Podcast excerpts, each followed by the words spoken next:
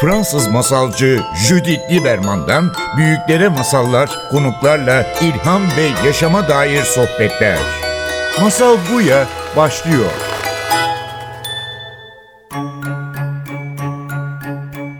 Masal Buya'ya hoş geldiniz. Türkiye'de tekrar basıma gelen bir kitap çok konuşuluyor. Ördek, Ölüm ve Lale. Bu bir çocuk kitabı. Ölümden bahseden bir çocuk kitabı olduğu için çok tartışmaya açıldı, çok konuşuldu. Biz de Masal Buya'da hem masallarla hem e, hikayelerle ilgilendiğimiz için bu konu bizim çok ilgimiz çekti. Masallarda ölüm çok bahse geçer bir şey ve birçok ebeveynler masallardan o nedenle korkuyor. Tıpkı bazı ebeveynler bu kitaptan korktu.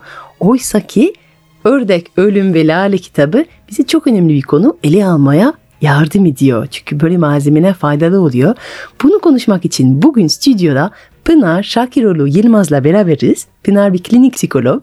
Gençlerle özellikle çalışıyor ve o yüzden bu konu konuşmak için e, seni davet ettim. Hoş geldin Pınar. Hoş buldum. Şimdi ilk önce sen de bu kitabı okudun. Yani Hı-hı. sohbetimiz buradan başlayalım. Aslında bizim konu yani ölüm çocuklarla konuşulabilecek bir konu mu yoksa tabu mudur? Çocukları korkutacak, ölümden bahsetmek çocuklara yara mı yapacak yoksa tam tersi korkuları veya yaraları iyileştirecek sohbetleri yol açar mı?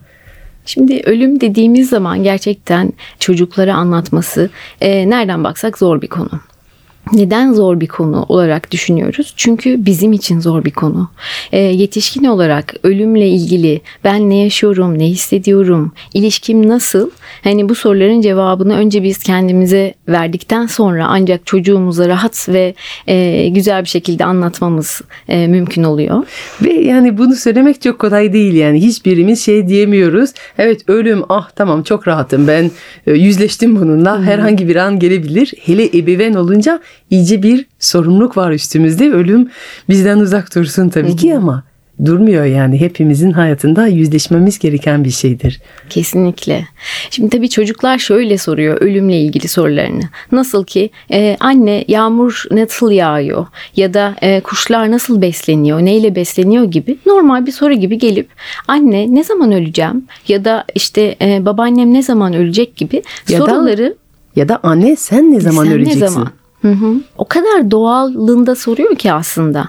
Ama biz yetişkin olarak bu sorular karşısında gözümüz açılıp e, zaten e, panik oluyoruz. Olmamız normal bir yandan ve çocuğa şöyle diyebiliriz. Çok sıkıştığımız zaman şu anda e, bu sorunla ilgili şu an cevap veremeyeceğim, bilmiyorum gibi şeyleri çok rahatlıkla söyleyebiliriz. Ama çok önemli bir soru araştıralım ya da biraz düşünmeme izin ver demek çocuk için çok önemli. Hem sorum önemli, e, merakım önemli hem de cevap verecek annem gibi bir şey. Evet konu kapatmayalım ama e, e, hazır değilsek erteleyebiliriz tabii bizim ki, cevabımız. Çünkü çocuklar çatpat söyler bazen tabii ki. şey derler. Anne sen öldükten sonra bu ayakkabılar benim olabilir. Kesinlikle. E, çok pratik konuşuyorlar. Bir arkadaşımın çocuğu ona şey dedi kızarken anne seni sökmek istiyorum. Sanki annesi bir bitkiymiş de onu söküp atacak. Yani Hı. anneleri öldürmekten bile bahseden çocuklar o kadar rahat bir e, ifadeyle tabii ki anneler o kadar rahat olmuyor. Peki ama şimdi bir kitabımız var. Ördek, Ölüm ve Lale ve bu kitap diyor ki açın ve beraber ölümden bahsedin. Sence sağlıklı bir şey mi çocuklarla beraber ölümden bahsetmek? Şimdi ölümden bahsetmek tabii ki gerekli bir şey öncelikle. Çünkü çocuklar iki buçuk yaştan itibaren belki bazıları daha önce bu soruları getiriyor. Biz nereye kadar kaçabiliriz? Tabii ki bahsedeceğiz. Fakat yaşa göre e, Burada önemli olan konu o. Yani 2 yaşındaki, 3 yaşındaki çocukla 10 yaşındaki çocukla konuştuğumuz gibi konuşmuyor olacağız. Evet çünkü yaş gerçekten çok erken. Çoğu insanlar bizi Tabii dinlerken ki. belki şaşırabilir. Bir buçuk yaş, iki yaşında bir çocuk gerçekten ölüm merak eder mi? Hı hı. Merak eder. E, her şeyi merak ettikleri gibi. Onlarla ilgili mesela şöyle bir yer çok yumuşak bir geçiş sağlayabilir bize. E, diyelim ki bir yürüyüşe çıktık. Doğa bize burada çok yardımcı oluyor. Mesela yaprakların düşüşünden bahsetmek, aslında yaşam döngüsünü anlatmak. Yani her şeyin bir e, doğuşu olduğu gibi yaşamımızın bir parçası da ölüm. Ve bunu gerek e, solucanlarla gerek e, ölmüş bir böcek üzerinden e, konuşarak merakını doyurmamız bu noktada çok önemli. Çünkü çocuk ölümle ilgili ta o yaşlardan itibaren bir e, çerçeve oluşturmaya çalışıyor. E, hepimiz gibi. Evet yani şimdi aslında ilk ölümün örneği mevsimler oluyor. Yani dört mevsimden bahsediyoruz. Bir buçuk yaş, iki yaşında çocuklara diyoruz ki aa bak çiçekler açıldı. Aa bak meyveler verdi. Aa bak tohumlar geldi. Aa bak şimdi sonbahar geldi. Her şey ölüyor. Böyle yapraklar düşüyor. Ölü yaprakların içinde ziplaya ziplaya yürüyoruz. Bütün bunlar aslında ilk giriş. Ondan sonra çok güzel böcek diyorsun. Yani çocuklar mutlaka ölü bir böcek görür. Bir kelebek, bir şeyi. Yani kelebeklerden bahsediyoruz. Ne kadar güzel olduklarını. Ama bir günlük yaşamlarını ya da bazen bir haftalık yaşamlarını olduklarından yani buradan böyle sorular girebilir. Belki de yani insan ölümü konusuna girmeden önce bir sürü yumuşak giriş yapabileceğimiz konular var, döngüler var. Kesinlikle. Belki bir şey kaybetmek veya bir şey kırılması bile aslında orada bir şeyden vazgeçiş demektir. Yani en sevdiği oyuncak kırılıyor. Aslında orada bir vazgeçiş var. E, ölümün de getirdiği bir konu yani vazgeçmek, ayrılmak, e, artık bu çalışmıyor dediğimiz zaman bile şey her şeyin sonsuza dek sürmediğine dair böyle bir aşılamak gerekiyor belki de önce iki yaşlarda. Hı hı, hı hı. Şöyle bir örnek geldi aklıma. Ben küçükken bir komşumuz vardı ve komşumuzun küçük bir çocuğu var ve muhabbet kuşu var evde. Ee, çok severdi fakat tabii ki de e, her canlı gibi onun da ömrü bittiği zaman öldü. Komşumuz şöyle yaptı. E, aman çocuğum üzülmesin hemen yenisini alalım eve gelene kadar ya da o görmeden aldılar ve çocuk fark etti. Tabii ki de kendi kuşu olmadığını ve aslında bu bize şunu gösteriyor. Çocukları zaten koruyamıyoruz bazı duygulardan ve kandıramıyoruz. Daha sonra e, bizim muhabbet kuşumuz da vardı o sırada. Bizimki öldükten sonra tabii buradan örnek alarak baya bir işte cenaze töreni düzenledik. bahçeye gömdük. Onunla ilgili konuştuk. Yani e, aslında çocukları buradaki en önemli nokta e, olumsuz duygudan korumaya çalışmak aman üzülmesin. Halbuki çocuklar bizim zannettiğimizden çok daha güçlü. Evet ve zor konulara girebiliyorlar. Aslında burada iki tane net örnekleri var. Yani çoğu zaman yalan, saklamak, üstünü kapatmak, aman üzülmesin derken öteki tarafında hadi bir tören yapalım, hadi bir konu açalım ve sanki bu istenmeyen bir şey. Yani ağlayacak, üzülecek, aman aman üzülmesin. Ama bu üzülmeler çok önemli basamaklar. Çünkü şu an muhabbet kuşuna üzülebiliyorsa, yas tutabiliyorsa yarın belki kediye, köpeğe, insana yani sonsuza denk çünkü koruyamayacağız ve bu sohbetler daha sonra daha zor oluyor herhalde. Yani hiç konuşulmayan bir konu. Her zaman üstünü kapattık. Sonra yani eğer bir trajedi oluyorsa ve eğer gerçekten bu konu açılması gerekiyor o zaman bu çocuk hiç hazır olmayacak ve onun için çok daha ağır bir şey olacak. İlk ölüm belki bir böcek olsun gerçekten, bir kelebek olsun, bir muhabbet kuşu olsun. Benim de hatırlıyorum e, aynı senin bu muhabbet kuşu gibi benim de küçük su kaplumbağalarım vardı. E, yani herhalde 3-4 yaşındaydım ve onlar da tabii ki egzotik hayvan yani maalesef çok yaşamıyorlar. Bir tanesi almıştık saksıda gömmüştük. Sonra bir tane daha aldık saksıda gömdük. Benim aklımda şey kalmıştı sanki 100 tane kaplumbağa olmuş ve hepsini gömdük gibi. Sonra anneme söylediğim zaman annem dedi ki olur mu hiç? İki tane kaplumbağa oldu. İkisi öldükten sonra ben bir daha satın almadım. Bunlar böyle yani yazık olur diye. Ama böyle aklımda çok net kalan bir şey. Yani bu saksının içinde o kaplumbağaları hazırlıktır. Değil mi? yani daha zor konular için hazırlıktır. Kesinlikle. Soru sorduğunda çocuk e, somut, net ve basit cevaplar vermemiz gerekiyor. E, mesela biz tabii yetişkin olarak çok soyut düşünebilebil düşünebildiğimiz için e, diyoruz ki gökyüzünde beni görüyor, bizi görüyor, o şu anda burada ama çocuk için çok kafa karışıklığı yaratacak şeyler. Özellikle aklımızda belki şunu tutabiliriz. Küçük yaştan itibaren sevdiği birinin ölümünü artık e, onu göremeyeceğiz. Artık yaşamıyor. Artık bedeni ömrünü doldurdu. O yüzden konuşamaz, yürüyemez. Mesela uykuyla açıklamamamız önemli. Çünkü şöyle diyoruz, o uyudu. O toprağın altında dinleniyor. Hmm, veya gökyüzünde. Bu soyuttan kaçınıp somutta kalmamız önemli. Birincisi bu. İkincisi de çocuğun neyi merak ettiğini aslında ona sormak bizim için bir ipucu oluyor. Mesela kaygılı bir noktada bulduk çocuğumuzu. Sen neyi merak ettin diye sorup aslında belki o an sadece bir şeyi merak ediyor. Mesela anne işte ya da baba üşüyor mudur mezarın altında? Hayır o üşümüyordur çünkü acı hissetmez, bir şey hissetmez. Tamam. Çocuk 3 gün hiçbir şey sormayacak belki. Katman katman çünkü ancak alabildiği kadar e, bilgiyi alıyor ve şuna şaşırıyoruz bazen. Hemen sordu ve tamam şimdi oyun oynamaya gidiyorum dedi. Aileler bazen buna da şaşırıyorlar. Ama çocuğun hızında kalmamız önemli. Evet, çok hızlı atabiliyorlar yani merak ettiği şey sordu cevabını aldı sonra oyun oynamaya gidebiliyor. Şimdi tabii ki konu şeye doğru gidiyor yani e, evet yani şu an ölüm yok ailemizde. bir kitap okuyabiliriz. Ördek Ölüm ve Lale ve onun gibi birçok kitaplar ölümden bahsedebilir. Beraber konuşabiliriz. İşte doğadan bahsedebiliriz. Böceklerden bahsedebiliriz. Belki e, kendi hayvanları veya arkadaşların hayvanları ölüyor olabilir. Bundan bahsedebiliriz. Ama diyelim ki gerçekten ailede bir ölüm var. O zaman mutlaka konuştuğumuz zaman değmemiz gereken noktaları nedir? Özellikle konuşmamız gereken bir şey var mı o zaman? Çünkü insanlar o zamanlar bazen saklamayı tercih ediyor. Konuşmayalım, konuşmayalım. Bir hafta geçiyor, iki hafta geçiyor, üç hafta geçiyor. Sonra çıkmaz bir sokağa gidiliyor. Çünkü konu açılmamış. Açılmadıkça Tabii. daha kötü. Şimdi bu sohbet bu çok zor konuşmayı yapmamız gerektiği zaman var mı? Özellikle dememiz gereken bir takım konular. Özellikle dürüst ve açık olmak önemli. Mesela bir ölüm oldu. Bunu çocukla hemen paylaşmak. Çünkü çocuk şunu fark ediyor. Benden saklandı mı? Ve aslında ölüme üzülmenin yanı sıra bir de e, güveni kalmıyor. Benden yine bir şey saklarlar mı gibi.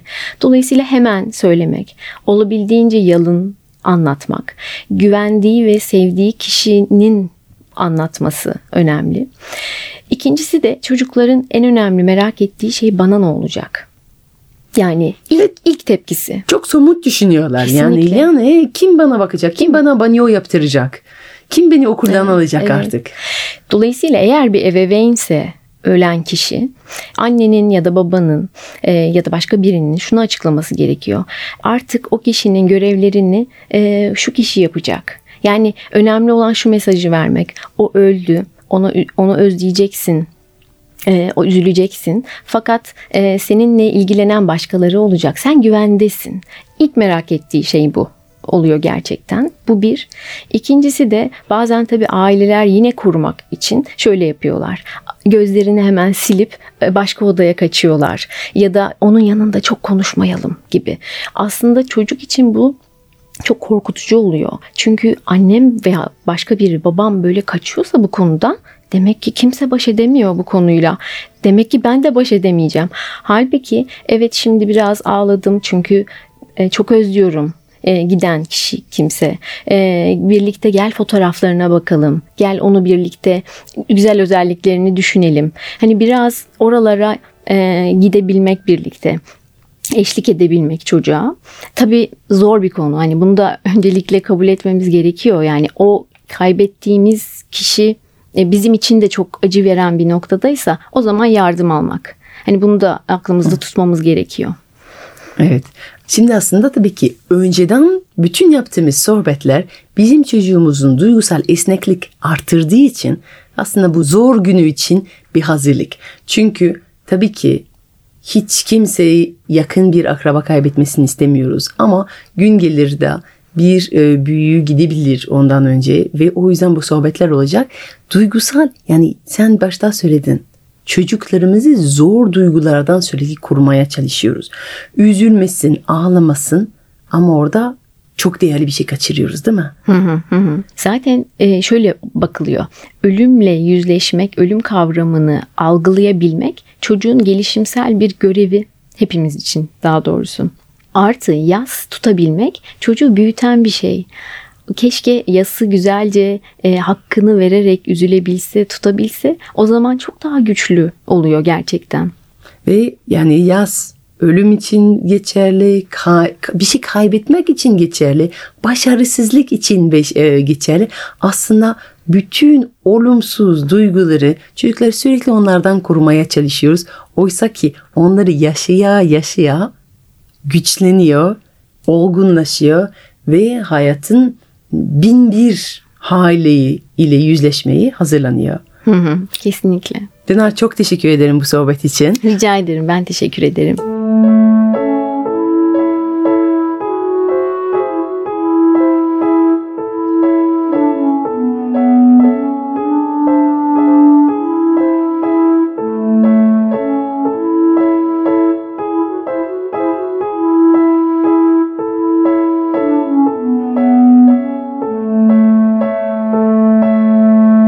Yaşlı merhamet teyzenin evi zengin değildi. Ama iki lokma yemek olsa birini mutlaka gelen ilk yabancıya verirdi. Köydeki bunca zengin kapı yolculara kapalı kalırken onun kapısı asla kapanmazdı. Onun bahçesi küçüktü ama kışın ispanak, turp, lahana eksik olmazdı. Yazın domates, kabak, patlıcan olurdu. Bir de tabii ki meyve topluyordu. Çok ağacı yoktu onun. Bir elma, bir dut, bir ceviz, bir de bir armut ağacı. Elmaları güneşte kurutuyordu. Dutlardan pekmez kaynatırdı, cevizlerden yarısı satıp yarısını çuvalda saklardı. Ama armutlar, armutlarla hiçbir şey yapamazdı. Çünkü dostlar, onun armut ağacı öyle böyle bir ağaç değildi. Ülkenin belki de dünyanın en güzel armutlarını verirdi. Olgunlaşınca bu sapsarı mucizeler altın gibi parlıyordu güneşin altında.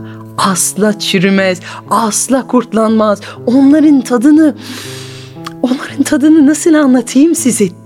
Tatlı mıydı? İnanın baldan fazla. Sulu muydu? Ağzına bir şelale akar gibi. Dişin altında çıtır, dilin üstünde erir, boğazı ısıtır. Bu armutların lezzeti civarda çok meşhurdu. Ama merhamet teyze bu nefis armutlardan yemeyeli yıllar olmuştu.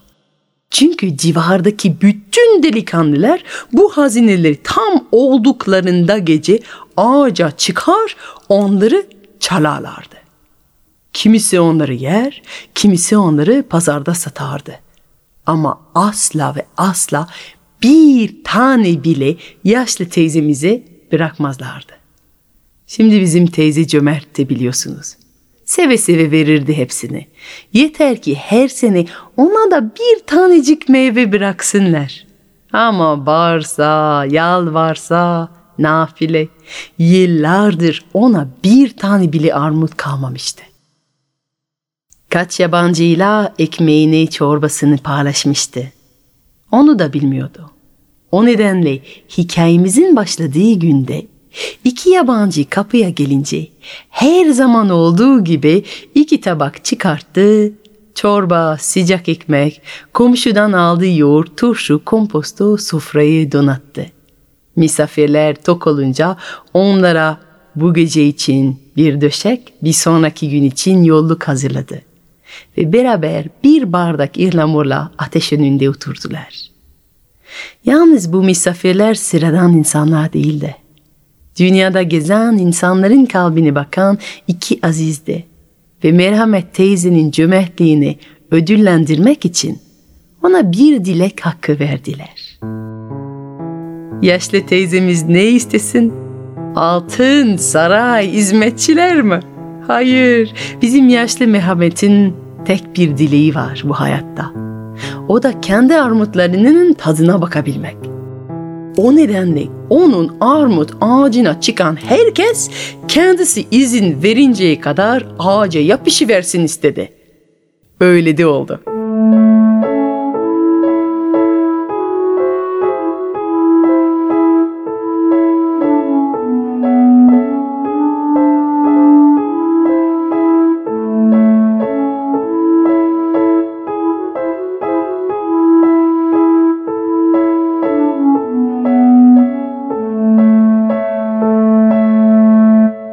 Mevsimi gelince heyecanla seyretti meyvelerini Merhamet teyze.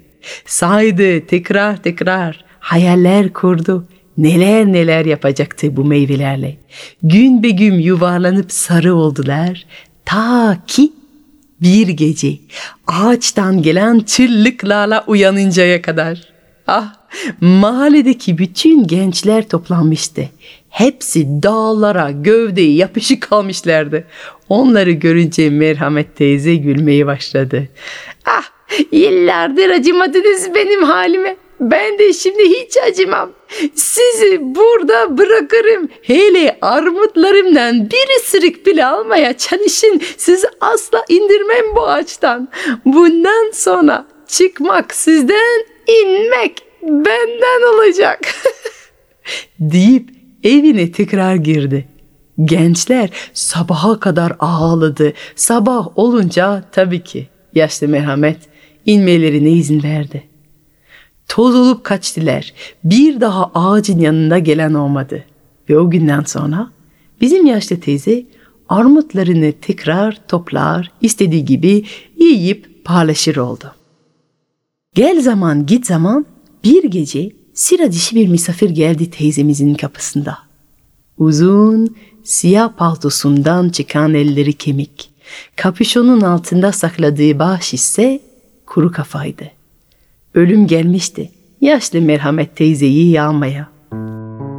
Onu görünce bizim teyze derin bir nefes alıp her zaman olduğu gibi kapısını kocaman açtı. Kimseyi kapısını kapatmamıştı hayat boyunca. Son misafirine farklı davranacak değildi. Bir bardak elamur koydu, onu ölüme uzattı. Ele bir nefeslenin, yolumuz uzun ve siz uzun bir yoldan geliyorsunuz diye tahmin ederim. Çıkmadan önce dinlenin. Ölüm şaşırdı. Karşısında herkes ağlar, yalvarırdı. İlk defa biri onu bir misafir gibi ağırlamıştı. O nedenle sordu yaşlı teyzemizi. Acaba yola çıkmadan önce siz de son bir şey ister misiniz? Bir an parladı merhametin gözü ama ölüm onu fark etmedi.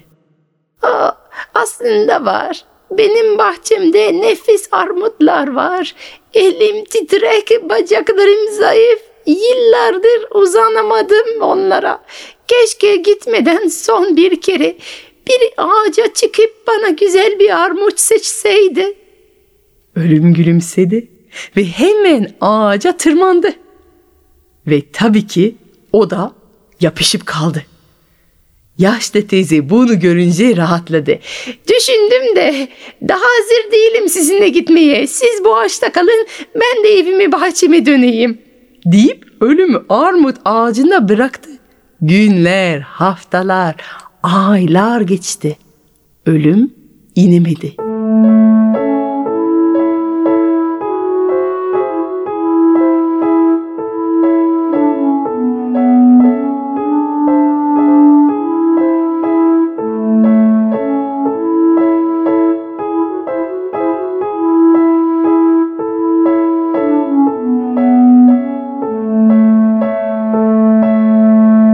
Tabii ki ölüm olmayınca dünyada fark edildi. Hiç kimse ölmedi. Kimisi için iyi haber, kimisi için kötü. Acı çekenler de onu çağırdı ama ölüm gelemedi. Hastaneler dolup taştı. Bütün dünya ölümü aramaya başladı. Sonuçta o da hayatımızın bir parçasıydı. Ancak yok olunca anlaşıldı. Sonunda ölümün nerede olduğunu anlaşıldı. Dünyanın her köşesinden din adamları ve politikacılar, güzel yazan ve güzel konuşan insanlar gelip merhamet teyzeyi ikna etmeye çalıştılar. En sonunda onunla bir anlaşma yaptılar. Ölüm insin, işini dönsün. Ancak herkesi götürdükten sonra yaşlı teyzemizi gelip onu götürsün. Merhamet teyze bunu kabul etti. Ölüm de kabul etti. O günden sonra ölüm insanları uzun yolculuğa götürmeye devam etti. Yaşlı merhamet teyze ise bahçesine, armutlarına ve misafirlerine döndü. Dostum, bu masal dinledin. Artık sen de biliyorsun ki insan olduğu sürece bu dünyada merhamet de olur. Bir o asla ölmez. Kapısını kimseye kapatmaz. Ona ihtiyaç duyan herkes evinin yolunu bulur. Onu ararsan kapının önünde bulunan altın gibi parlayan armut ağacından tanırsın. Ama unutma ne yaparsan yap ağaca çıkıp bu meyvelerden almaya kalkma sakın. Fransız masalcı Judith Lieberman'dan büyüklere masallar, konuklarla ilham ve yaşama dair sohbetler. Masal Buya sona erdi. Programın tüm bölümlerini ntvradio.com.tr adresindeki podcast sayfamızdan dinleyebilirsiniz.